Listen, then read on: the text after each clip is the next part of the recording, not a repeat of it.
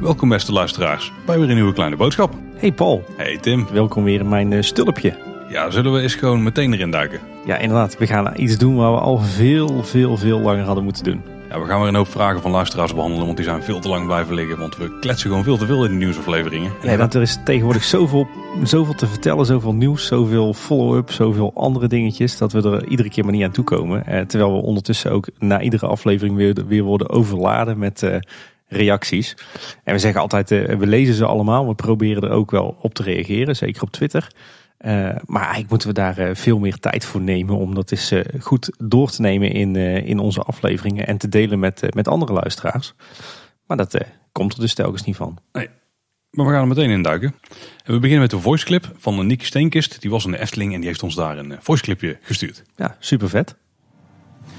Ja, beste Paul en Tim, Nicky hier, live vanuit de Efteling. Ehm, ik zou jullie nog een voice note sturen over mijn ervaringen gisteren in het Guesthouse Hotel in Kaatsheuvel, waar ik heb overnacht. Eh, ik heb, er maar één nacht geslapen en ik moet zeggen, het is een zeer aantrekkelijk hotel. Het is trendy, het is dicht in de buurt van de Efteling en qua prijs-kwaliteit verhouding eh, ja, was het erg goed. Eh, vandaag ben ik in de Efteling. eh, voor het eerst in mijn leven alleen. Om op mijn gemak even rustig door het park te kunnen lopen. Op dit moment, misschien kun je het een beetje horen, zit ik op het Fata Morgana-plein. Met uitzicht op de grote minaret. En ja, het Oosterse thema, ja, dat trekt mij wel. Eh, ik vind zelf dat de Efteling nog wel iets mist. Een beetje in een tempelachtige attractie. Ook al zijn er veel van over de hele wereld. Ik denk wel bij de Efteling zou passen. Iets met tempel, jungle-achtig. En mijn vraag eigenlijk aan jullie is... welk thema vinden jullie dat de Efteling nog mist? Eh, ga vooral door met de podcast en eh, ik spreek jullie snel.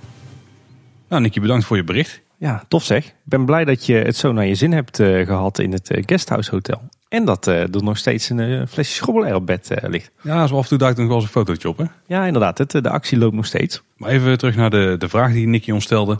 Welk thema missen we nog in de Efteling? Nou, als ik zelf mag praten, dan. eh nou, oké, ik, misschien moet ik het een beetje omdraaien. Ik, ik mis niet per se een thema in de Efteling, want die kun je vaak bij de attractie wel uitkiezen. En een beetje matchen aan het attractietype, zeg maar, wat er eh, komt te staan. Maar wat ik nog wel echt mis, eh, is een meer stedelijk gebiedje in de Efteling. Lijkt me echt heel tof als je die eh, oude Een uitrijk. nou, dat zou bijvoorbeeld al prima zijn. Maar je mist, eh, of als je kijkt naar die oude Piekse prenten, dan zijn die vaak in steden. En, we, en je hebt ook natuurlijk Piekse prenten met dorpjes. Nou, daar hebben we al heel veel uitingjes van in de Efteling, zeg maar. Ja. Ehm, maar dat stedelijke, dat mis je nog wel echt. En als je dan die tekeningen ziet die hij heeft gemaakt van eh, winkeltjes en de- vooral dat dan eigenlijk en dorpspleintjes en zo. Dat, als we dat dan ergens meer in de Efteling zouden kunnen krijgen, dan zou ik wel, eh, dat zou ik wel heel tof vinden. Met achter een, eh, een iets indrukwekkendere gevel misschien een, eh, een mooie attractie.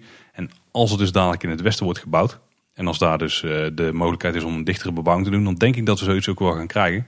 En dan ben ik heel benieuwd wat de Efteling daar, daar dan van gaat maken. Mhm, Ja. Ja, ik, ik vind het op zich, ik, ik heb hier lang over nagedacht. Want het is op zich een vraag waar, waar heel veel antwoord op mogelijk is. En ik, ik ben ook wel echt een themaliefhebber.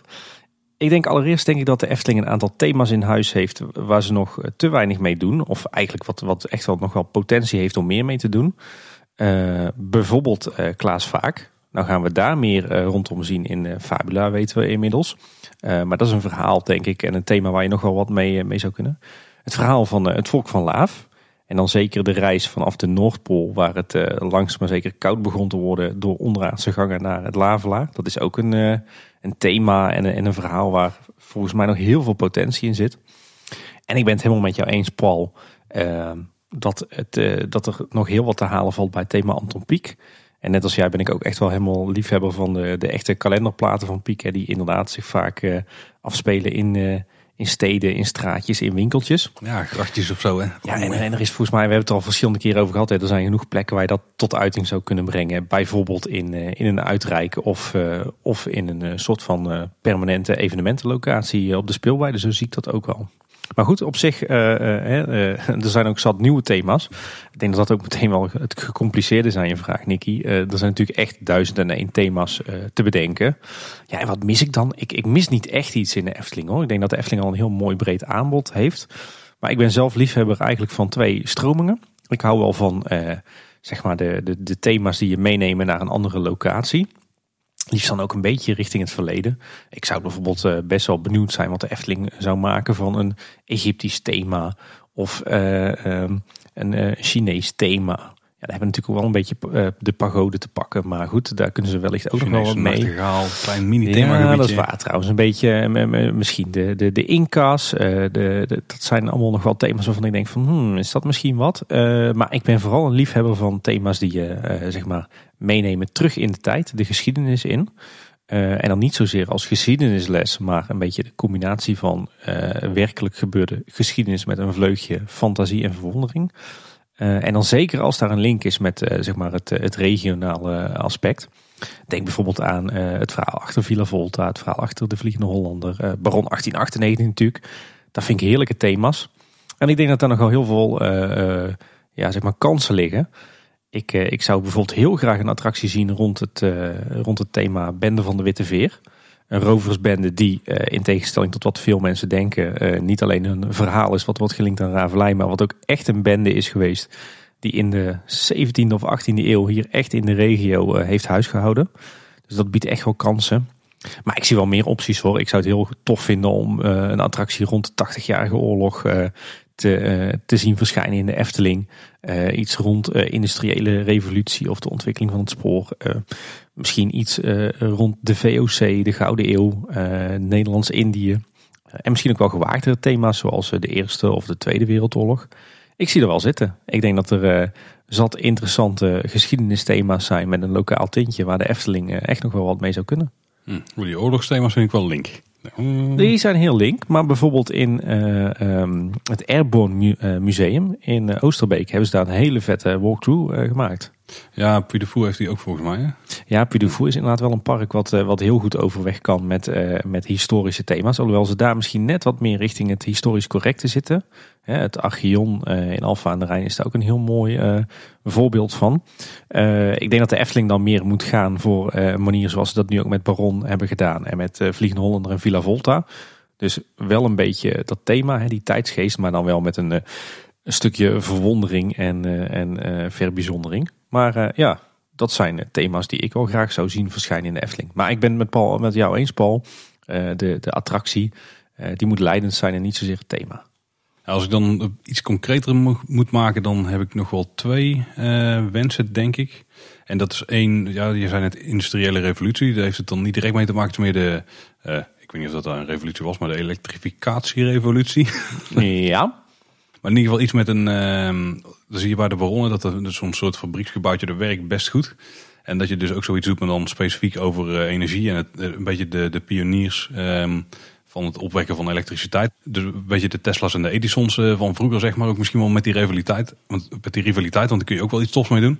En dat je dan natuurlijk in een voertuig gaat zitten en dan kom je bij zo'n elektriciteitsdemonstratie, gaat finaal fout en dan gebeurt er iets. Nou, volgens mij kun je daar best wel met ook verschillende attractietypen wel mee uit de weg. Bijvoorbeeld een drop tower of met eh, misschien een achtbaan, misschien zelfs wel zo'n uh, soort pulsarachtig uh, apparaat of zo, maar dan op het droge. Ik zie daar wel mogelijkheden voor, ook met een dark ride stukje, uiteraard. En animatronics, je had het niet kunnen raden. Spannend. ja. Snap je hem? Spannend. Ik snap hem. Ja, hij is heel goed. Hij is goud. Ja, ik, ervoer, ik ervoer al geen weerstand bij jou. Nee, hij is goud. Hè. Dat is ook minder weerstand dan ja, andere Je ging al mee in de stroom. Ja. Juist. En een andere die ik dan wel redelijk concreet voor me zie, maar dat is meer het soort, um, ja, hoe moet je het noemen? ontdekkingsreis, het pionierstukje. Uh, maar dan niet specifiek. Hmm, interessant. Maar dan niet specifiek zo, uh, zeg maar, van het Wilde Westen of zo. Maar echt gewoon dat je in een attractie een beetje het onbekende gaat en daar op zoek moet gaan naar iets. ik heb ooit zitten spelen met zo'n idee van dat je een soort powered coaster hebt, maar die wordt dan meer gebruikt als dark ride systeem. Maar dan slaat hij af en toe op hol en dan ga je dus wel vlotter. Ja. Dat het idee is dat je door een soort ontdekkingsfiguur mee wordt genomen op reis om uh, naar mythische wezens te zoeken of iets in die geest. En dan op een paar plekken kom je stil te staan in de attractie. Dan gaan er allemaal spotlights in één keer aan, want het is donker. En dan kun je zoeken in de omgeving naar die wezens. En als je dan iets vindt, dan kom je aan het einde nog een soort, ga je nog een rondje maken. En hoe meer je hebt gespot met jouw trein, hoe meer daar tentoongesteld wordt van die wezens. En dan kom je terug als held die alles heeft ontdekt, of niet. En dat was dan de attractie. Weet je, een beetje interactief. En dan, ja. uh, nou, maar dat is dus voor een groot deel binnen. Dus dat is Efteling technisch nu niet zo handig. Misschien in de toekomst ze een plek hebben voor zoiets. Maar nu krijg je al een powered coaster. Dus misschien is heel het ja, idee al met van de baan. Met Duits thema. Ja. Oh, Duits een thema had ik trouwens ja. wel nog mis in de Efteling is een Scandinavisch thema. Ik voel hem aan komen. Ja, Nicky, eh, nogmaals bedankt voor, voor je voiceclip. En ik hoop dat we je vraag eh, voldoende beantwoord heb, hebben. Eh, we kregen nog een mailtje van Michel Beving. Beste Tim en Paul, ik luister met veel plezier naar jullie podcast. Nu ben ik pas voor het eerst vader geworden. Eh, gefeliciteerd, eh, Michel. Ja, gefeliciteerd. En wij weer de Efteling abonnement. Nu vroeg ik me af, wat zijn de tips om optimaal een dag de Efteling te beleven met onze zoon? Het lijkt me fijn wat tips van jullie te horen. Met vriendelijke groet, Michel Beving. Nou, het eerste wat we dan doen is natuurlijk meteen verwijzen naar aflevering 7 van Kleine Boodschap. Want die hebben we speciaal gemaakt voor ouders met jonge kinderen. En dan geven we eigenlijk alle dingen mee die wij hebben meegemaakt als ouders. Zodat je daar eh, de vruchten van kunt plukken. Ja, En dan hebben we zo'n paar hoofdzaken. Eh, ja, bereid je gewoon goed voor en eh, eh, check eh, wat, eh, wat het weer wordt en pas daar de kleding van de kids op aan. Eh, zorg ervoor dat je altijd eh, genoeg te eten en te drinken bij hebt. Eh, spullen om te verschonen, eh, extra setje kleding, eh, een hangslot voor je kinderwagen. Ja, een vliesdekentje als het koud is, een eh regenhoes als het, eh, als het nat is. En verder, ja, kijk gewoon vooral wat je, wat je kind kan handelen. Hoe oud je kind is en, eh, en ja, je kunt er, er zijn heel wat geschikte attracties. Dat lichten we ook toe in die aflevering. Maar maak het niet te gek. Begin met, met één of twee attracties op een dag. Ik heb nog één tip die me de laatste tijd steeds weer goed van pas komt. Ja, eigenlijk vooral een paar jaar geleden trouwens. Als je ergens je kind wil verschonen, check vaak even dat er een ehm, minder valide toilet in de buurt is. Want Oh ja, vaak ja. kun je daar ook terecht. Eh daar hoef je dan ook meestal niet te wachten, want de meeste mensen weten het niet. Maar een andere voordeel is als je meerdere kinderen hebt, dan kan bijvoorbeeld de oudste die wel naar het toilet gaat, daar dan gebruik maken van het toilet, terwijl je de andere verschoont. En dan kun je het allemaal gewoon op je gemak doen. Ja, en je kan ook de kinderwagen binnenrijden. Hè? Dus als je bijvoorbeeld... Ja, Ja, precies. Je hebt alle spullen gewoon bij de hand en eh, de ruimte zat. Dus dat is wel een, eh, misschien nog een extra tip. Ja, en de beste verschoonruimtes vind ik toch tegenwoordig. Want ik weet dat ik daar destijds wat anders over heb gezegd. Maar ik eh, ben wel heel erg, eh, vind het gemak heel fijn eh, verschonen. Ja. Station de Oost verschoont heel fijn. En ook de toiletten bij, zeg maar, achter Symbolica. Wat ik nog steeds een van de handigste plekken vind, is toch het Witte Paard. Dat is als volwassene verschrikkelijk om naar het toilet te gaan. Ja. Maar je hebt daar en die twee verschoonplekken met een wastafel erbij en papier. En je hebt daarnaast dus ook nog het invalide toilet, waar je ook nog kunt verschonen. Oh, en nog wel een toptip wat mij betreft is... zorg ervoor dat als je kind tegen de tijd dat hij kan lopen... eh, dat je op de een of andere manier eh, je 06-nummer eh, ja, of op je kind schrijft. maar je kan ook... Op het voorhoofd dus zo. ja, inderdaad. Je kan ook een polsbandje kopen bij de kassas van de Efteling. Maar er zijn ook legio leveranciers eh, te vinden via internet en Facebook. waar je gewoon echt zo'n zo'n hip, ja wat is het dan, rubberen armbandje kan laten maken. Waarin het jouw naam en je telefoonnummer gewoon gestand staat. Zodat eh, mocht je kind kwijtlopen dat je in ieder geval bereikbaar bent. Ja, en verder eh, geniet gewoon. Hè. Zeker plekken als eh, het Lavelaar en het Sprookjesbos zijn ook echt aanraders. Ja, misschien de allergrootste tip die we toen ook gaven. Rustig aan. Ja. Dan komt het allemaal goed. Precies. Maar luister, luister vooral aflevering 7, dan daar praten we ongeveer anderhalf uur door over dat, dit onderwerp. Ja, volgens mij waren we toen korter van stof hoor. Ik denk dat het net een uurtje was. Oh ja, dat vonden we toen al lang. Hè? Ja, ja. Kregen een berichtje van Sam Flash. Twee van de drie 1984 attracties van de Efteling krijgen een update. Hoe zouden we de derde, Polka Marina, kunnen plussen? Een likje verf, Moby Dick thema, waterstraal over de boten. Interactie tussen quotes en ik stel me daar een redelijk eh, bang kijkend gezichtje nog bij voor. Ja, hele goede vraag. Ik vind bij Polka Marine heel moeilijk. Als je me bij heel veel andere attracties vraagt, dan denk ik van, nou ja, daar heb ik wel ideeën bij, zeg maar, meteen eigenlijk. Bij Polka ik, niet dat ik nou denk dat die attractie perfect is, maar het is gewoon zo'n, Het is een verloren zaak. nee, het is zo'n vreemd gebouwtje.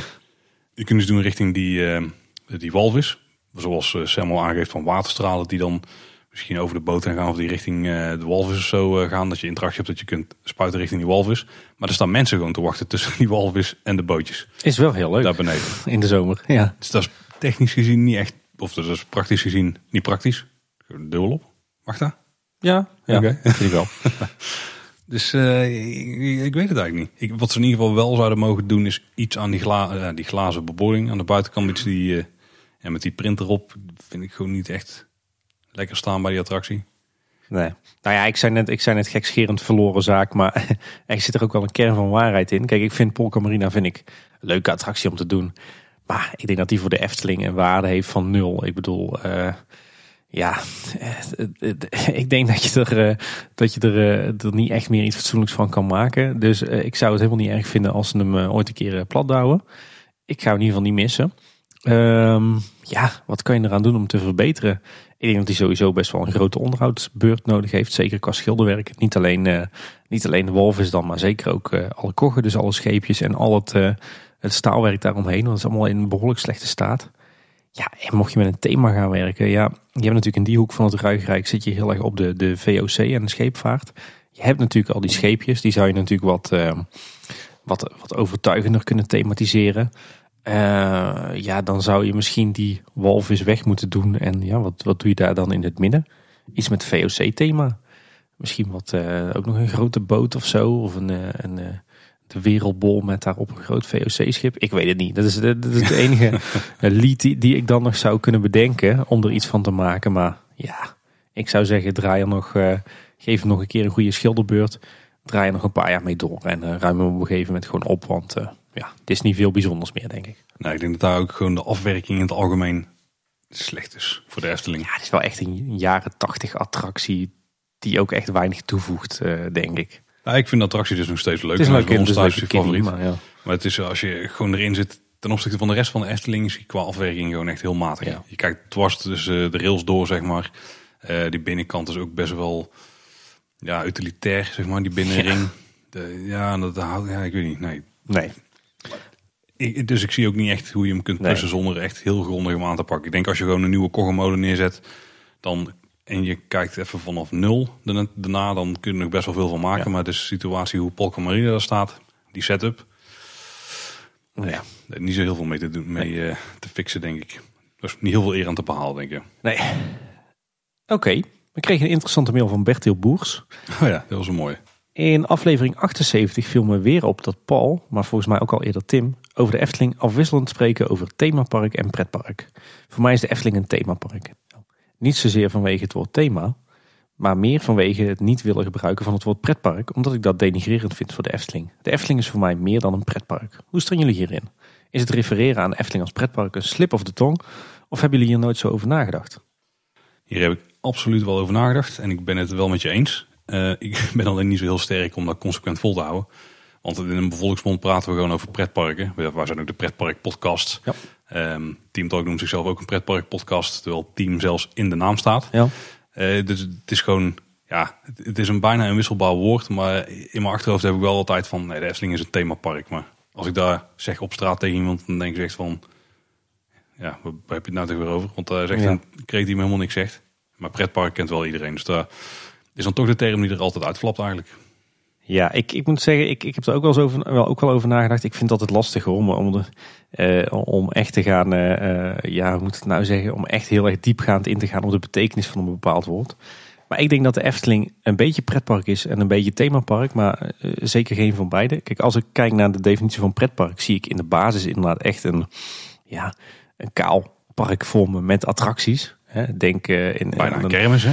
Ja, denk aan een Bobbejaanland, want een Walibi Holland misschien. En dan is dat misschien al een klein beetje denigrerend. Denk ik aan een themapark puur zang, denk ik eigenlijk ook niet zozeer aan de Efteling. Dan denk ik meer uh, toch aan parken als um, een openluchtmuseum, een Archeon, een Puy de Fou. Uh, ja, meer dat soort belevenissen, weet je al. Maar dan kijk je puur naar de twee woorden thema en park die bij elkaar ja. zijn gevoegd. Ja, nou ja, ja, ik denk dat er wel een kern van waarheid in zit. Hè. En natuurlijk heb je dan parken die heel erg op thema zitten. Laten we maar een voorbeeld nemen, alle Disneyparken. Daarvan kan je wel zeggen dat zijn themaparken. Maar ik vind het heel lastig om de Efteling bij een van beide categorieën in te delen. Ik denk namelijk dat de Efteling een prima mix is van allebei. Zelf heb ik, als je mij zou vragen van hoe zou je de Efteling dan willen benoemen, dan kom ik denk misschien nog wel het snelst uit bij het woord attractiepark. Ja, ja. Daar zat ik ook maar over. Ja. Dat dekt de lading dan denk ik het beste. Uh, maar ja, je hebt natuurlijk ook legio benamingen gehad in het verleden. Uh, natuurpark, familiepark. Het is eigenlijk gewoon een beetje wisselbaar. Want het ja. is het park waar je pret kunt hebben. Het is het park waar ze attracties hebben. Ja. En het is het park waar ze thema hebben. Ja, dus ik zou, ja, ik, ik denk dat we ons daar met z'n allen niet zo druk over moeten maken. En het is wat Paul, Paul, wat jij ook al zei, pretpark praat het makkelijkste en wordt ook het meest gebruikt. Dus misschien dat we het daarom zo noemen. Maar ik, ja, nee, het is niet zo dat ik dat bewust doe of zo. Maar om nou te zeggen dat de Efteling themapark plus zang is, dat vind ik ook weer ver gaan. Weet je wat mij trouwens wel opviel van de week, Paul? Het, het valt mij op dat ik uh, ook uh, afwisselend de Efteling en Efteling gebruik. Maar dat dat intuïtief, uh, dat, dat daar wel een bepaalde regelmaat in zit. Namelijk als ik het over de Efteling heb, dan heb ik het echt over het park. Mhm. En als ik het heb over Efteling, dan is het meer het, het product, het merk, het, de brand, om het even hip uit te drukken. Ja, dat klopt ook wel. Maar dat is ook wel de manier om erover te praten, denk ik. Ja, maar dat is nergens echt vastgelegd of gedefinieerd of zo. Nee. Efteling zelf, die, heeft daar ook, die gaat daar ook niet echt consequent mee om. Ja, is, het- bedoel je, misschien bedoel jij wel de Efteling, dan heb je het meer over de mensen misschien erachter. Met, bij Efteling heb je het vooral over het merk. Ja. Inderdaad. Ja, ja. Ja. het voelt wel goed hoor. Het voelt Ja. wel goed om dat op die manier te doen. Ik weet ook dat Apple bijvoorbeeld nooit praat over die iPhone, maar altijd over iPhone. iPhone is de best phone in the world, weet je wel. En niet Ja. die iPhone is de... Dus ja, het is wel zo dat in Engelstalige landen dat, je- dat, dat je daar sowieso niet, eh, niet snel een lid wordt, of minder snel een lidwoord voor hebt dan hier. Hè. Volgens mij is het in het Engels is het ook gewoon eh, Efteling in plaats van die Efteling. Ja, maar dat is ook echt zo'n eh, branding decision wel. Oké, oké, nou interessant. We kregen nog een mail van Danny, hè, Die zat ook in een paar afleveringen van Kleine Boodschap. Ha heren, ik heb nog wel een kleine toevoeging in de eerstvolgende podcast. Jullie hebben het over het in het park uitbreiden. Stel dat de Efteling er toch voor kiest om in het park uit te breiden, zou een indoorhal natuurlijk perfect zijn. In de huidige wereld zien we nu eenmaal een vaak vergeten probleem in de pretparkwereld, het klimaat. Ik wil geen klimaatdiscussie starten, maar ons weer wordt steeds extremer en dat houdt mensen toch vaker thuis. En dan is het te warm of er is te veel regen. De Efteling zou zelf eventueel in de toekomst wat meer kunnen focussen op klimaatneutrale attractiegebieden. Waarbij ik dus bedoel dat, dat een heel gebied niet afhankelijk hoeft te zijn van de wind, regen of zon. De Efteling is bij uitstek al een prima park voor in de regen. En het heeft veel indoor attracties. Echter zul je altijd door de regen heen moeten lopen van de ene naar de andere indoor ride. Een grote indoorhal met een paar e-ticket attracties, horeca, entertainment en invul zou prima passen in het park. En zorgt ervoor dat je altijd het perfecte klimaat kunt creëren. Wellicht maakt dat de Efteling in de toekomst ook wat veiliger voor klimaatproblematiek. Daarnaast zou zo'n hal prima gebouwd kunnen worden tussen het Anton Pieckplein, de Dubbele Laan, achter Carnaval Festival. Dus dat is eh, op het dienstencentrum. Hè? Met wellicht een eh, ride loods nog achter Vogelrok. Kan de hal direct dienen als geluidsmuur naar het dorp toe voor de rest van het park. En nee, het is geen Toverland of Plopsa. Het is een beetje, refereert hij een beetje aan jou Tim. Ik heb in Dubai en Abu Dhabi gezien dat het ook echt naar next level getild kan worden. Dus met prima akoestiek en geen Monkey Town tafereelen Tim.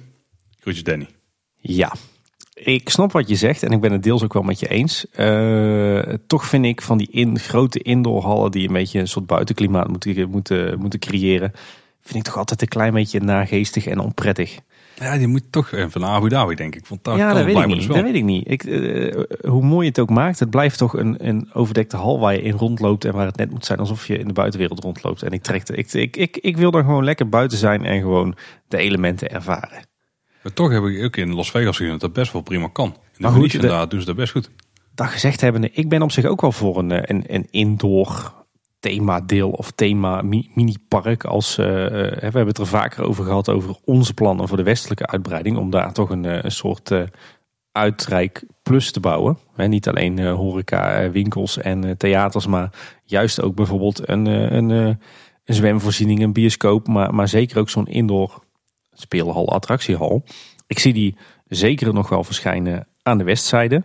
Eh, waar ze ook veel meer een veel hoger percentage mogen gaan eh, bouwen. Hè, eh, een beetje in die hoek van het huidige parkeerterrein KLM.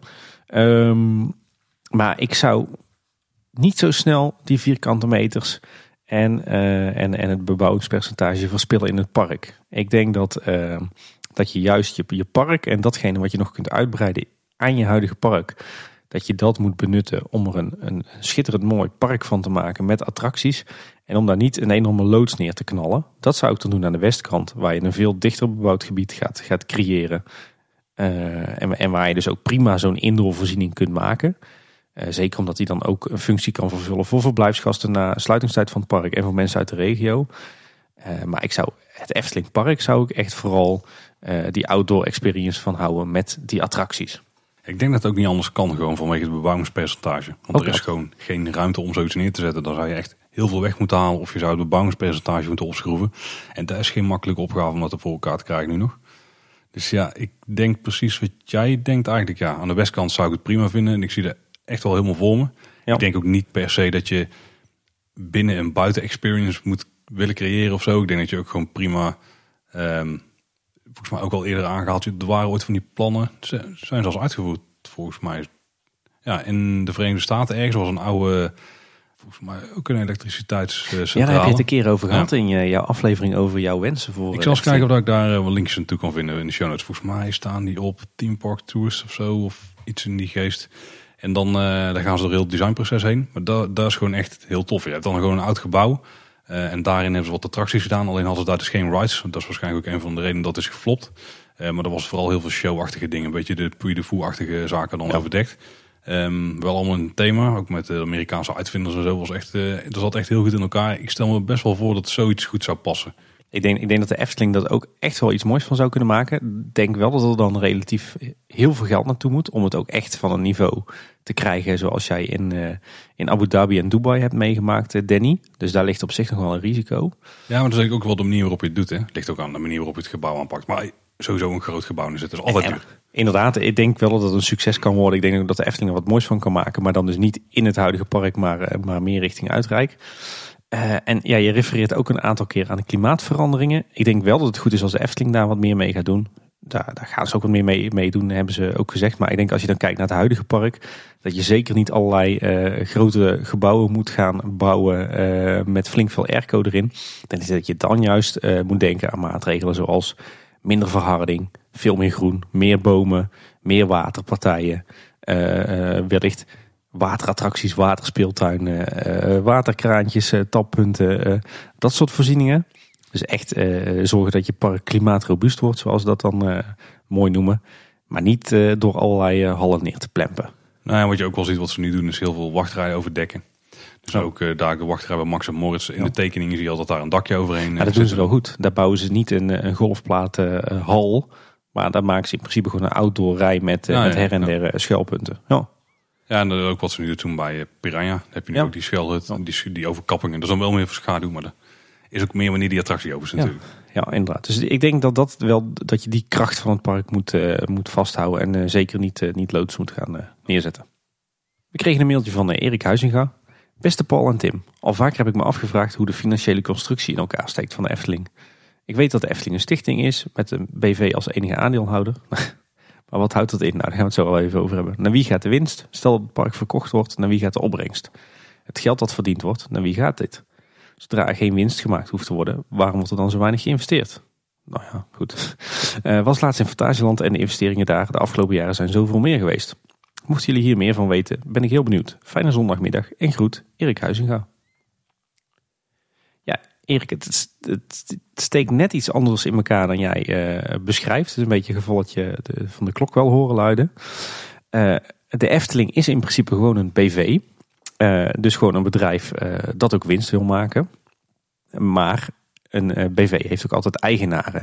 En in het geval van de Efteling is Stichting Natuurpark de Efteling eigenaar van de BV.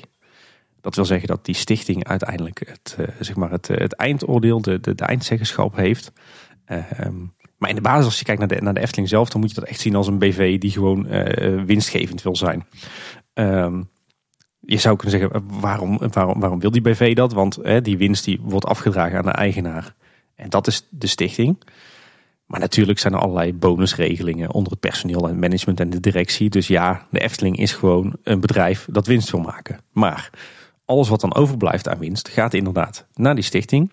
En uh, die stichting doet daar een paar dingen mee. Uh, die spaart voor een groot deel gewoon dat geld uh, om later weer te investeren in de BV. wat belastingtechnisch natuurlijk ook interessant is. En daarnaast gaan er ook kleinere bedragen naar bijvoorbeeld natuurbehoud en Padus. Um, ja, je zou dus kunnen zeggen dat, dat eigenlijk de, de, de stichting de eigenaar is. En het voordeel van de stichting is dat die geen winstoogmerk heeft, geen winst mag maken dus ja, dat geld, al het geld wat wordt verdiend door de BV, dat wordt uiteindelijk ook weer in het park gestoken. En als je bijvoorbeeld kijkt naar wie heeft het nou voor het zeggen, dan is ja, eigenlijk ook weer niet te veel zeggenschap aan die stichting toebedelen. Want in de basis denk ik dat, uh, dat heel veel beslissingen uh, gewoon worden ge genomen door het management en de directie van de BV Efteling. En alleen als het gaat om grote investeringen, dus nog niet eens zozeer om grote veranderingen, maar grote investeringen, dan kijkt daar in eerste instantie een raad van commissarissen naar. Hè. Dat is een soort van toezichtorgaan wat, wat, wat, wat een BV eigenlijk altijd wel heeft. En eh, is, het, eh, zeg maar, is het van nog groter risico of gaat het om nog grotere investeringen, dan is uiteindelijk de stichting degene die, eh, die het oordeel velt. Maar in de basis is het dus gewoon een BV. Eh, en jij zegt, stel dat het park verkocht wordt. Nou ja, dat is dus niet zo heel ehm, eh, eh, makkelijk. Eh, want de stichting is eigenaar. En de stichting heeft natuurlijk geen enkel belang erbij eh, om het park te verkopen. Nee, want de stichting heeft geen directeuren die daar geld uit willen halen. Nee. Ja, dus inderdaad. maar daar zou in principe het geld naartoe gaan. Als de Efteling BV wordt verkocht, gaat het geld naar de stichting. Maar de stichting heeft er niks aan. Nee, maar sowieso is zeg maar, dat is ook alweer een constructie waarbij zeg maar, eh, ook de gronden van de Efteling voor een deel eigendom zijn van de Efteling BV, maar voor een deel ook nog eigendom van de stichting. Dus het wordt heel lastig om de, om de Efteling te verkopen, want verkoop je dan de BV of Ja, wat de- verkoop je dan? Ja, de enige situatie waarin dit eh, logisch zou zijn, is als de stichting echt diep in het rood staat. En dat die dus gewoon middelen moeten hebben om alles af te kunnen lossen wat ze hebben. En dan is daar een optie. Ja, Maar die kans is, dat, dat er echt gaat gebeuren, die is niet zo heel groot. La- la- laten we in ieder geval constateren dat, dat de constructie die hier nu gekozen is, dat dat een hele eh, veilige, conservatieve constructie is. Ja. Waarbij je dus echt zeker weet dat, dat al, het, al het geld wat, eh, wat verdiend wordt, eh, dus al alle winst echt weer vervolgens weer terug in het park wordt gestoken. Ehm, en dat, eh, ja, dat de kans dat het park, eh, of dat de Efteling ooit verkocht gaat worden, dat die eh, niet heel is. En dat, dat is ook verschillende keren in de geschiedenis door, door heel veel belangrijke mensen bevestigd. Overigens ben ik niet met je eens dat de Efteling weinig investeert. Ik denk dat we in al onze afleveringen dat wel hebben aangetoond dat de Efteling volop investeert. Alleen de Efteling is wel heel risicomijdend in die zin. Die willen vaak investeren met, met eigen geld en liefst met zo min mogelijk geleend geld. En ik denk dat dat ook alleen maar weer goed is voor uh, de overlevingskans van de Efteling. Ja, niet alleen dat, ze investeren ook heel veel in onderhoud. En dat doen andere parken ook niet altijd. Fantasieland, nou niet altijd. Dat doen andere parken een stuk minder dan de Efteling, ja, kunnen we wel zeggen. Fantasieland zelf ook, die hebben wat oude attracties die ze weinig liefde geven. De Efteling doet er eigenlijk, uh, die laat zelden iets links liggen. Ja. Dan moet het echt wel... Uh... Ja, en ik denk dat de Efteling ook volop investeert in attracties. Kijk, uh, kijk de laatste jaren alleen al naar Symbolica, naar Baron 1898, naar Ravelijn, naar Joris en de Draak. En zo kunnen we nog even doorgaan. En dan hebben we nog Max en Morris, dat is ook weer 15 miljoen. Ja. Maar kijk ook naar uh, wat er was gebeurd als het bestemmingsplan helemaal door de Raad van State was goedgekeurd. Ja. Dan was er ook weer een, een, een enkele tientallen miljoenen tegenaan geslingerd om die uitbreiding aan de oostkant te realiseren. Precies, en, en reken maar dat de Efteling daar nu al geld voor uh, aan het sparen is. Want er moet dus niet alleen het park worden uitgebreid, uh, maar je zit ook met al die infrastructurele aanpassingen. Hè. De verlegde Horst is er het eerste voorbeeld van. Uitbreiding van parkeervoorzieningen. Um, ja, en wat we natuurlijk ook hebben gehad de afgelopen jaren is forse uitbreidingen van Bosrijk en, en natuurlijk ook het Loonse Land. Dus ik denk dat er, dat er volop wordt geïnvesteerd in, uh, in de Efteling. Uh, alleen inderdaad misschien niet zoals in Fantasieland echt puur en alleen in nieuwe rides. Maar in een combinatie van nieuwe rides, uh, verblijfsrecreatie en, en onderhoud. En de toekomstige uitbreidingen. Daar worden in ieder geval heel veel reserveringen ja. voor vastgehouden. Ja. Dus ja, ik hoop dat het zo iets duidelijker is. En zo niet, dan vraag maar raak. We kregen van Vlederik kregen we een leestip. De boeken van Marita de Sterk zijn een aanrader voor alle liefhebbers van sprookjes, zagen en volksverhalen. Zoals Beest in bed, negen echte volkssprookjes. Uh, moeten we dit wel aanraden aan iedereen, Tim? We weten helemaal niet wat hierin staat. Het is, is heel veelbelovend. Ja. Vuil vel, 40 Vlaamse volkssprookjes en Vreed Schoon. Volkssprookjes op reis. Ik denk niet dat ik het uh, juiste accent daarbij aanhaalde. Maar... Dit was, nee, dit was het, ons plaatselijke dialect. Maar uh, nou, dus oké. Okay. We, zullen het linkje even plaatsen in de show notes voor alle mensen die geïnteresseerd zijn. Ja, we kregen nog een mailtje van Wout. Hoi Paul en Tim. Ik heb al een tijdje geen mailtje meer naar jullie gestuurd, dus hier weer eentje. En het gaat over Pandadroom.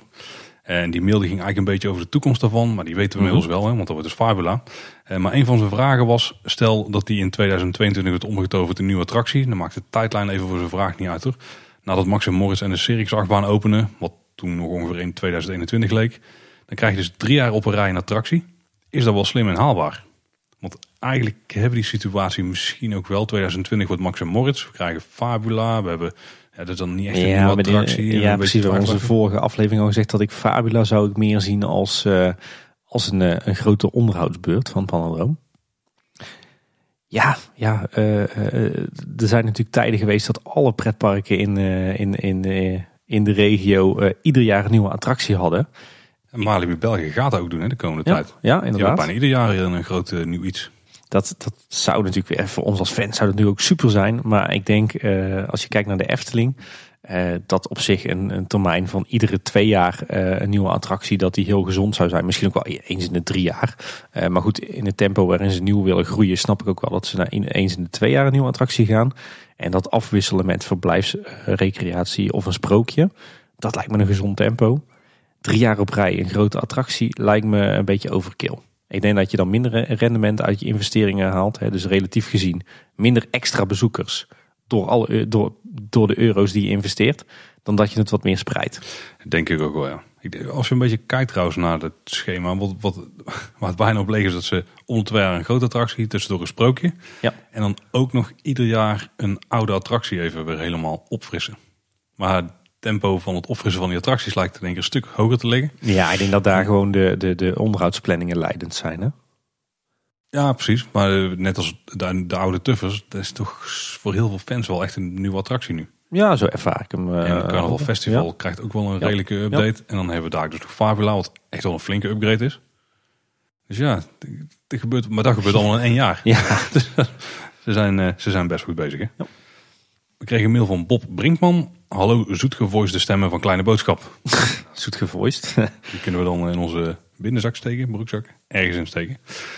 Eh er was een hele lange mail, eh, maar waar het uiteindelijk op neerkwam is dat, er, ehm, dat hij een paar voorbeelden geeft van onafgewerkte plekken. Zoals bijvoorbeeld eh het dak van het Witte Paard, of die rand weet je wel, die daar kunt zien. En de zicht op die loodsen bij het Anton Pieckplein. En ik denk dat we ook Pannendroom er wel onder kunnen scharen. Eh, hij vraagt, wat vinden jullie van dit soort onafgewerkte plekjes? En denken jullie dat dit ooit nog wordt aangepakt? Goed, Bob. Onafgewerkte plekjes zijn gewoon zonde natuurlijk. Eh, maar die hebben wel voor een groot deel te maken met hoe de Efteling is gegroeid. Want het is heel organisch gedaan, eh, gegaan. Dat betekent ook dat sommige punten waarvan je eerst misschien niet per se eh, ja, dacht dat mensen die ooit gingen zien. Die blijkt je dan achteraf wel te kunnen Ja. zien als er weer nieuwe ontwikkelingen zijn of als er oude zaken worden weggehaald. En ik denk dat daar een beetje de reden is waarom het er staat. En denk je dat het ooit nog wordt aangepakt? Op de lange termijn, ja, denk ik wel. Eh, sowieso omdat eh, als je kijkt een beetje wat de ambities van de Efteling, waarvoor ze gaan bouwen om te kunnen faciliteren. Dus bijvoorbeeld die 7 miljoen bezoekers. Dat is eigenlijk wat je het laatste jaar ook ziet. Die getallen van bezoekers blijven groeien en daardoor komt er steeds meer onderhoudsbudget. En dat pakken ze toch wel Ja, links en rechts van zulke dingen Ja, aan. ja, klopt. Dus in, uiteindelijk gaat het wel gebeuren. Maar wat dan een beetje tegenspreekt, is dat ze misschien ook wel toekomstplannen hebben met bepaalde gebieden. En dan heb ik bijvoorbeeld, eh, heb ik bijvoorbeeld over die loodsen eh, achter het Antropiekplein.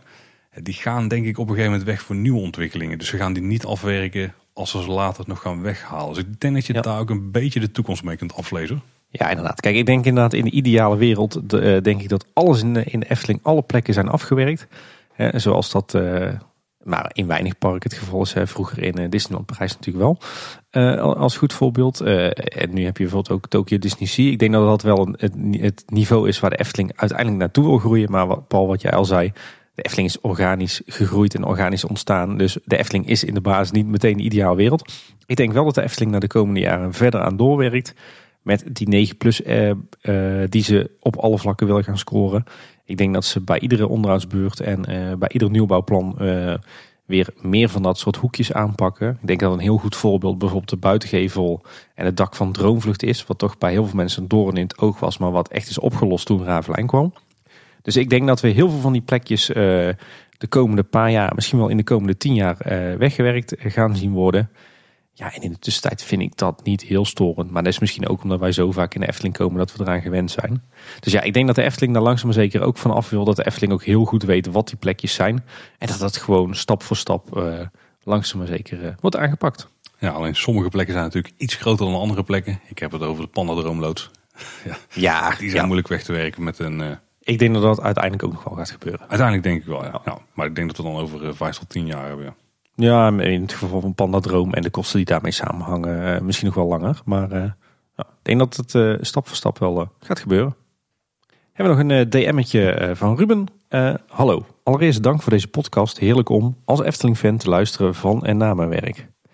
Wellicht heb ik een onderwerpje om eens jullie licht op te schijnen. Bij het luisteren van, ik meen aflevering 68, ging het over het parkeren en de methodiek van oprijden. En in aflevering 71 ging het over een parkeergarage onder het nieuw te bouwen hotel. Nu vroeg ik mij af, heeft de Efteling onderzoek gedaan naar de mogelijkheid om de huidige hoofdparkeerplaats ondergronds te maken, waarbij de huidige ruimte benut zou kunnen worden voor de uitbreiding van Sprookjesbos of kleine attracties. We weten dat er plannen zijn geweest voor een bovengrondse parkeergarage, maar dit is mede door de buurtbewoners geschrapt uit de plannen. Ik hoop dat mijn vraag een beetje duidelijk is. Kijk maar wat jullie ermee willen doen. Groeten, Ruben. Nou, die is heel duidelijk, Ruben. Ja. En ik denk eerlijk gezegd dat Efteling ook heus ooit wel een keer een, uh, een studietje heeft gedaan naar die optie. Volgens mij staat het in de bestemmingsplan, uh, bestemmingsplan document ook dat Ja. ze dat hebben gedaan. Ja. Ja. Maar een ondergrondse parkeergarage is sterrenvers duur. Nog vele malen duurder dan een eh, bovengrondse gebouwde parkeervoorziening, zoals het dan heel mooi heet. Eh, dus ik denk dat het never nooit niet rendabel eh, gaat worden. Dan is het veel goedkoper om, eh, zoals nu in de plannen zit, bijvoorbeeld de korte kant van het parkeerterrein op te offeren. En dat langzaam maar zeker om te vormen tot Sprookjesbos. En dan alternatieve parkeerruimte op een andere plek te maken, bovengronds op Maaiveld. Dan dat je in dit soort oplossingen gaat denken, want dat is gewoon echt stervensduur. En er zijn wel dus mogelijkheden opgenomen in het bestemmingsplan om dus wel meerlaags parkeren toe te passen. Ook op het hoofdparkeerterrein, daar zou één laag bovenop mogen. Maar ook bijvoorbeeld in het, eh, ja, het bijparkeerplaatsje wat dan Ja. in het zuiden zou komen, in het zuidoosten. Daar zou meerlaags parkeren mogen. Volgens mij hadden we uitgerekend tot het laag of drie of zo Ja. ongeveer, praktisch gezien. Maar ja, een, een, een bovengronds parkeergebouw is bij lange na nog niet zo duur als een ondergrondse parkeergarage. Nee, en als je kijkt naar de plekken die ze kunnen realiseren, alleen al op de begaande grond, zeg maar. Volgens mij waren dat boven de 10.000. Ja, dan Ja. kun je makkelijk, als we een beetje kijken naar hoe het verkeer zich gaat ontwikkelen de komende tijd, dat minder mensen auto's hebben en dat eh, er ook meer zelfrijdende auto's komen. Nou, dat is allemaal dan toekomstmuziek, maar ja, dat Ja. is wel waar dit dan ook op wordt gebouwd. Dan denk ik dat ze die nooit gaan nodig hebben. Nee, denk het ook niet. Dus ik denk dat we die eh, mogelijkheid eh, echt serieus kunnen afschrijven. Ja. We kregen eigenlijk onafhankelijk eh, van verschillende mensen een mailtje over ehm, hetzelfde onderwerp. We kregen een mail van Roy en we kregen een berichtje van Nicky. Eh, Roy die schreef, ik hoorde zojuist de aflevering over de uitbreiding van de Efteling, aflevering 39, waarin jullie een tekening van de uitbreiding bespraken. Nou, toen was hij een beetje gaan eh, struinen op, eh Ja. Op FTpedia en toen kwam hij wat tegen. Maar Nicky, die had ongeveer hetzelfde gedaan. Die eh, mailde ons, beste Tim en Paul, ik houd het spannend wat het over gaat. Hè? Zojuist, weer genoten, zojuist weer genoten van een geweldige aflevering samen met Marm van der Hoeven. Weer ontzettend veel geleerd over onder andere de fansites en de Efteling community eh, die ik niet heb meegemaakt. Toen, ben, toen is ze de documentaires gaan kijken van de, Sint- van de vijf zintuigen. En toen kwam ze de eh, documentaire van Lex Lemmens tegen. En die had het ook weer over hetzelfde onderwerp. En was nou de onderwerp, Tim? Ja, Jungle Symphony. Jungle Symphony, ja. Dat is een van de Joop Gezing projecten die eh, nog voor de Efteling in ieder geval in de planningsfase heeft gezeten. En daar zou een soort, eh, ja wat zou het eigenlijk worden? volgens mij verschillende varianten wel van hetzelfde idee langsgekomen. Maar Volgens mij werd het een beetje, eh, hield het het midden tussen een soort animatronic show en een, en een dark ride. Een beetje ook met het Carnaval Festival idee. waarin verschillende dieren uit de jungle eh, voorbij zouden komen. ja, volgens mij is het idee een beetje geëvalueerd. Ik weet niet wat dan de laatste fase was, maar ik heb een variant een beetje meegekregen waarbij het met zo'n ronddraaiend, eh, ja, ik weet niet of het ronddraaiend podium was of een ronddraaiende tribune. Een beetje net op de Carousel of Progress. Ja, echt zo'n animatronic show dus. Ja, ja, sowieso een animatronic show. Maar de andere was gewoon met een eh, rechte tribune waar gewoon mensen in konden schuiven. Eh, die kijken naar het showtje, die Ja. gaan er weer uit en de nieuwe mensen komen erin, zeg maar. Eh, maar inderdaad een animatronic show met dieren. Een beetje ook wel weer op die jolige, ja, Ja, ja. iets realistischer dan een carnaval festival wel. Het is geen rode neusenshow, zeg maar. Ja, en eigenlijk eh, zowel Roy als eh, Nicky vraagt, eh, zien jullie dat zitten in het, in het huidige park, eventueel met moderne technieken en toepassingen? Ja, nee, ik niet. ik ook niet. ik denk puur technisch gezien denk dat je in deze tijd ook niet meer met een animatronic show kan wegkomen. Want als je het met animatronics wil doen van echt een goed niveau, dan is het gewoon onbetaalbaar in de aanschaf en net zo goed in onderhoud. En anders wordt het, worden het eh, waarschijnlijk animatronics van een niveau waar je echt niet meer mee aan kan komen. En bovendien, ja, wie komt er nog af op een animatronic show? Nee, de Indische waterlelies. Daar komen nog wel mensen op af. Ook een animatronic show, Tim. Ja, ja, ja. ja, goed punt. Nou, ik, nee, we, ja, hebben, ik, we hebben er eigenlijk wel meer in de Efteling hoor. Een beetje van dat type. Maar, ja, in principe is het spookslot in zekere zin ook een animatronic ja, show. ja. Wel, nou, in dat geval heeft de Efteling al meer dan genoeg. Nee, ik zie hier eerlijk gezegd eh, in 2019 echt geen plek meer voor in de Efteling. Nee, ik ook niet. En ook niet in dit thema hoor. Het is gewoon iets te, Ja, een beetje, iets te banaal. een beetje, ja. beetje dat slapstick weer. Weet je, we hebben Ja. de oude tuffers nu, we hebben de nieuwe kleren van de keizer, we hebben vrouw Holle. Eh, op een gegeven moment is het wel genoeg joligheid, eh, denk ik. Ja, nou wil je er in ieder geval meer over weten over dit project, dan check zeker FTpedia. Die hebben er best wel informatie over. Ja. We kregen een mailtje van Hans Bergs. Dag heren, sinds kort heb ik jullie podcast ontdekt en ik probeer zo snel mogelijk door jullie afleveringen te gaan. Tot nu toe zit ik aan aflevering 6 en ik vind het zeer interessant aan jullie verhalen te luisteren. En wat jullie allemaal hebben meegegeven in de podcast. Aflevering 6, hoe dan gaat hij hierna? Gaat hij de tips voor kinderen luisteren? Ja, precies. Oeh, dat is misschien pittig voor hem. Nou, hij geeft aan dat hij onze podcast is gaan luisteren omdat hij eigenlijk een vraag had voor de gastservice van de Efteling. Maar die kreeg hij niet echt een bevredigend antwoord over. En dan ga je kleine boodschap luisteren. Ja, uiteraard. Van Nee, misschien wij het antwoord wel. Ehm, en het ging eigenlijk over het internationale karakter van de Efteling. En dat hij bijvoorbeeld teleurgesteld was in de ingesproken tekst bij Aquanura.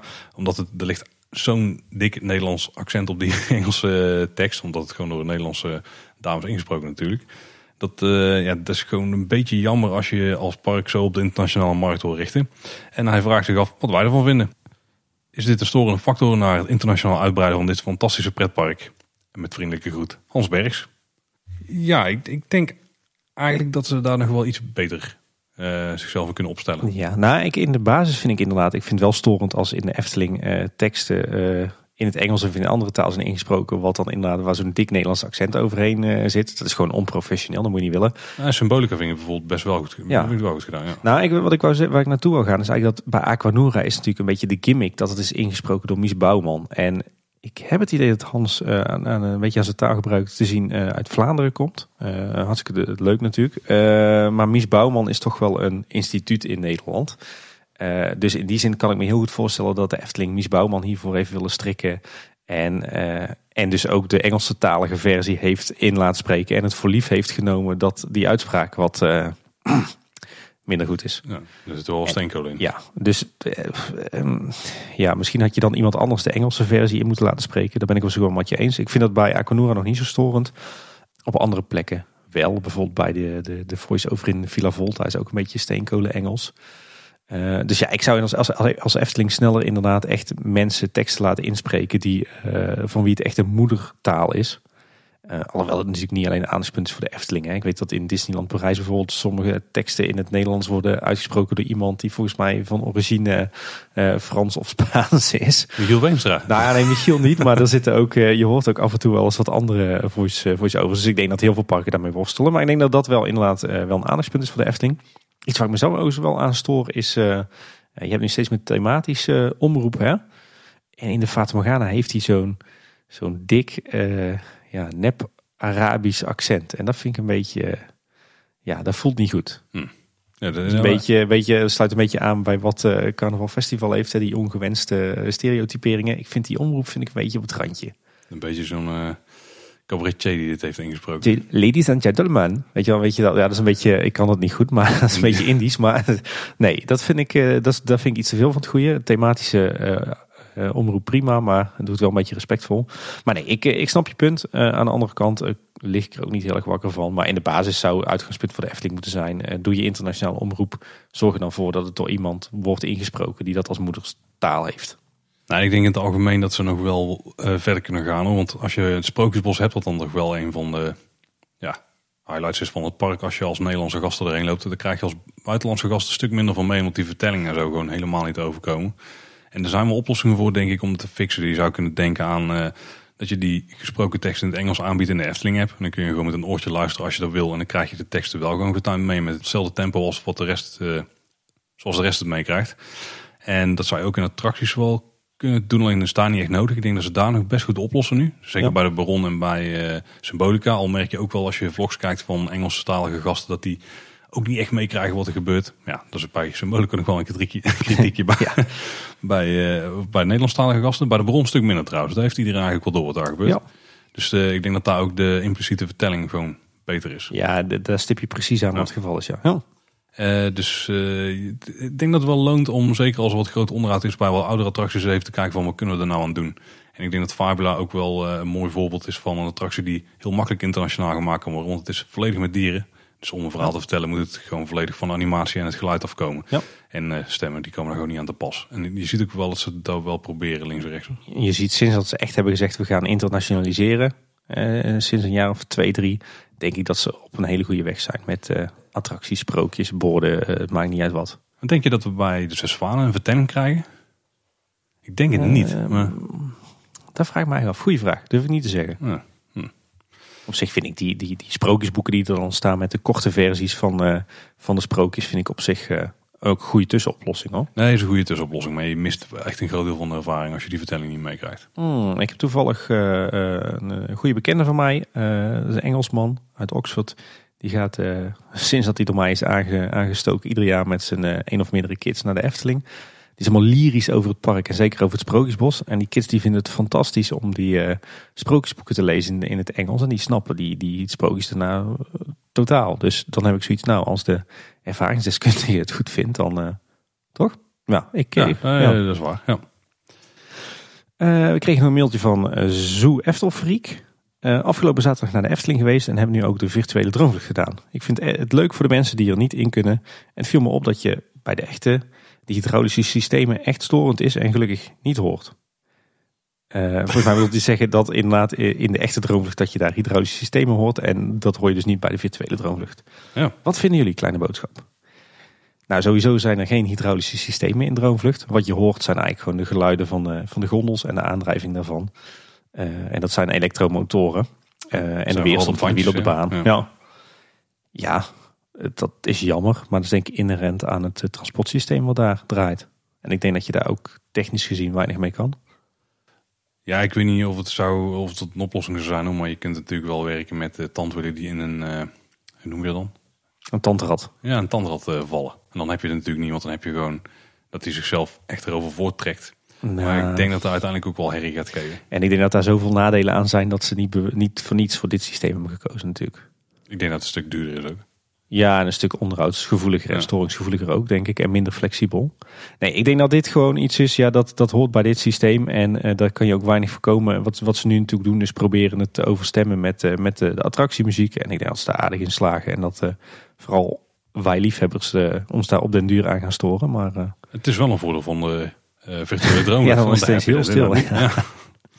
Precies, ja. We kregen nog een mail van Simon Visser. Wat een leuke aflevering weer. Het is altijd fijn om goed onderbouwde meningen te horen in ranglijsten. In tegenstelling tot de willekeurige opsommingen die overal op internet te zijn. In dat, dat opzicht was het ook fijn om Pieter erbij te hebben met zijn achtbaankennis en zijn lijstje dat best een eind verschilt met jullie. Nou, dat ging over die uh, aflevering 56 denk ik, onze ja. achtbaan top 6. Ook was het leuk om een kijkje achter het scherm te krijgen in Op de Rails. Naar aanleiding van die video heb ik wel een vraagje. Wat zijn obstakels die jullie tegenkwamen of nog steeds tegenkomen tijdens de productie van Kleine Boodschap? Ja, dus even nog over Op de Rails. Dat was dus een mini-documentaire van Pieter. Die maakt hij van verschillende eh, mensen in de pretparkwereld. Heeft hij ook een aflevering van ons gemaakt... waarin we een beetje de achtergrond van de podcast ja. vertelden... en hoe we afleveringen maken. Blik achter schermen. Ik was toen echt vreselijk ziek. Ik had toen echt de griep te pakken. En als ik nou achteraf die video terugkijk... dan denk ik van... jee, wat zag ik er slecht uit. Ja, ja oké. Ik zal er niet al te veel op ingaan. Het is altijd gezellig hè, bij de redactievergaderingen. Ja, precies. Er wat zijn obstakels die we tegenkomen? Ja, ik, ik denk dat het grootste obstakel toch vooral uh, tijd en planning is. Absoluut, ja. Tot nu toe lukt het gewoon altijd om het voor elkaar te krijgen om iedere maand een aflevering te hebben. Maar dat is echt een ongelofelijke puzzel. En daar moeten we echt ook heel hard aan trekken en, en met de agenda schuiven om dat voor elkaar te krijgen. Ja, precies. Het is af en toe gewoon uh, wat uurtjes uh, opgeven van bepaalde andere belangrijke zaken. Zodat we maar een aflevering kunnen maken. Dus ja, zoveel hebben we ervoor over. Ja. Ik denk, ja, dat is wel echt het grootste, het grootste ding. Ja. Ja. inderdaad. De eerste, toen ik jouw vraag las, was het ook gelijk uh, tijd. Nou ja, weet je, het is gewoon, we hebben allebei uh, een drukke baan, een druk gezin, uh, alle, alle andere hobby's en bezigheden. En dan komt er ineens een podcast bij, die dan toch stiekem veel, veel, veel, veel, veel meer tijd vraagt, van je vraagt dan je van tevoren zou denken. Zeker als je dan echt serieus mee aan de slag gaat. Dus ja, tijd is wel echt de, bepalen, de beperkende factor. En ook dat het dus inderdaad best wel moeilijk is om opnamemomenten te prikken. Ik, eh, zelf fantaseer ik ook wel eens of denk ik wel eens van wat zou het toch vet zijn als we op de een of andere manier uh, zouden rond kunnen komen van de podcast. Uh, waardoor je bijvoorbeeld één dag in de week minder kan gaan werken. Zou me heel leuk lijken als we gewoon één dag in de week de podcastdag hebben waarop we de Efteling door kunnen voor een inspectierondje en opnames kunnen maken en eens goed onderzoekwerk kunnen doen en alle tijd van de wereld hebben voor interviews en, en diepteafleveringen. Maar ja, de podcast levert niks op. En ik denk dat het ook irreëel is om te denken dat het ooit zoveel gaat opleveren dat je er een dag minder eh, van kan gaan werken. Maar ja, dat is op zich een mooi droombeeld. Maar ja, nee, inderdaad, de tijd is bij ons echt eh, de beperkende factor. Want we hebben ongelooflijk veel ideeën. Dus daar ligt het niet aan. Ja, het is inderdaad niet alleen het plannen van die momenten en de, de tijd daarvoor maken, maar het is ook de voorbereiding. Want wat je merkt is dat we we hadden eigenlijk een lijstje met onderwerpen die we graag wilden behandelen. Een beetje de laaghangend fruit onderwerpen ook. Ja. En er waren ook een hoop onderwerpen waarbij de voorbereidingstijd beperkt is, zeg maar. Kijk, bijvoorbeeld een lijstje opstellen eh, waarom we bepaalde dingen eh, op een bepaalde plek vinden staan. Ja. Is qua tijdinvestering redelijk te doen. Dus dat is meestal een uurtje, twee uurtjes of zo eh, voor ieder. En dan, eh, dan zijn we er wel een heel eind. Eh, maar het wordt wel lastiger als het gaat om eh, echt diepgaande onderwerpen. Zoals bijvoorbeeld de geschiedenisaflevering die we in twee delen hebben uitgebracht recent. Ja, ja daar Eh, zit echt gewoon eh, weken voorbereiding in. Natuurlijk niet fulltime, maar ik ben er echt een paar maanden mee bezig geweest om dat op poten te zetten. Ja. En er zijn dus heel veel vragen van luisteraars van... oh, zouden we een keer een aflevering kunnen maken over dit of dit onderwerp? Lijkt me echt super tof, kunnen we daar een keer induiken? Eh ja, dat kunnen we. Willen we ook heel graag. Ja. Maar er zitten wel onderwerpen bij die heel veel tijd kosten. En het is wel zo dat de onderwerpen die niet zoveel tijd kosten... die beginnen wat meer... Die beginnen op te geraken. Ja. Er zijn er nog een paar, dus eh, we kunnen nog even vooruit. Maar ja, er komen ook vast wat nieuwe bij. Hoor. Dus het is nog nooit een probleem geweest... maar daar zou nog wel eens ooit een keer een issue'tje kunnen worden. soms denk ik wel, zoals ik een vrijgezel in de bijstand was geweest, wat was het dan toch makkelijk geweest, hè? Qua podcast opnemen. Maar goed. wat ook nog wel een dingetje is, is eh, dat we ook niet te veel in herhaling willen vallen. Klinkt misschien vreemd. Eh, maar als ergens een onderwerp al heel goed beschreven staat, bijvoorbeeld op FTpedia of zo, ja, moeten we dan een, een, een aflevering gaan maken waarin we gewoon exact voorlezen wat daar staat. Eh, dat is natuurlijk ook zonde, ook voor de luisteraars, want de, de meeste van jullie die zullen FTpedia ook wel af hebben gestruind. Eh, dus ook die balans een beetje vinden, zeg maar, en dan dingen doen waarbij we echt iets toevoegen in plaats van iets eh, opnieuw opdreunen. Dus eh, dat is die een obstakel. Maar dat, maakt het, dat zorgt er wel voor dat er Ja. af en toe meer tijd in iets moet gaan zitten dan dat het op het oog misschien nodig zou hebben. Ja, en we proberen ook die, zeg maar, die onderwerpafleveringen, dus de, de afleveringen die we, die we om de week uitbrengen, tussen de nieuwsafleveringen door, proberen we ook een beetje echt afwisselend te, eh, te houden. Hè? Dus dat ze iedere keer een an- totaal andere kant op schieten. Ja.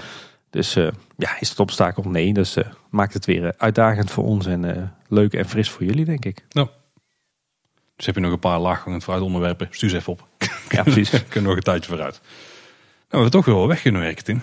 Ja, inderdaad. Ja, dat klinkt wel een beetje oneerbiedig, hè, wegwerken. Maar we hebben, we hebben best wel wat interessante vragen kunnen beantwoorden. Ja, en naast deze mails hebben we nog veel meer andere mails gehad, ook over andere onderwerpen. Ehm, we zijn tot de conclusie gekomen dat we ze niet allemaal meer kunnen behandelen. Nee. Dus vooral eh, de vragen die eh, pikken we eruit. Ehm, maar heb je dus zelf vragen of heb je opmerkingen, dan eh, staan we er altijd voor open natuurlijk. En die kun je sturen naar Kleine Boodschap. Je kunt ons op Twitter bereiken via @boodschap. Ja, op Instagram en Facebook via Kleine Boodschap. Of je kunt een mailtje sturen naar info.kleineboodschap.com. En op kleineboodschap.com vind je een eh, contactformulier. En ook via die weg kan je ons benaderen. En eh, wil je een reviewtje achterlaten, dan kan je die naar ons toesturen. Maar je kunt hem bijvoorbeeld ook achterlaten bij Apple Podcasts. Dan eh, checken we hem ook. En dan zien andere luisteraars ook sneller onze podcast. Worden we een grotere groep. En dan wordt het nog gezelliger hier in de podcastwereld. En vooral in de reactielijst die we aan het bijwerken zijn iedere week. ja, precies. Die groeit Dus, dus blijf ze vooral sturen, hè, die reacties. Want eh, ondanks dat we ze lang niet allemaal kunnen behandelen en lang niet allemaal op tijd, eh, eh, lezen we ze wel allemaal en genieten we er enorm van. En dat, dat motiveert ons ook echt om dit te blijven doen. Er zijn de podcastvitamine. Absoluut. En oh ja, nu we er toch bezig zijn met de afsluiting.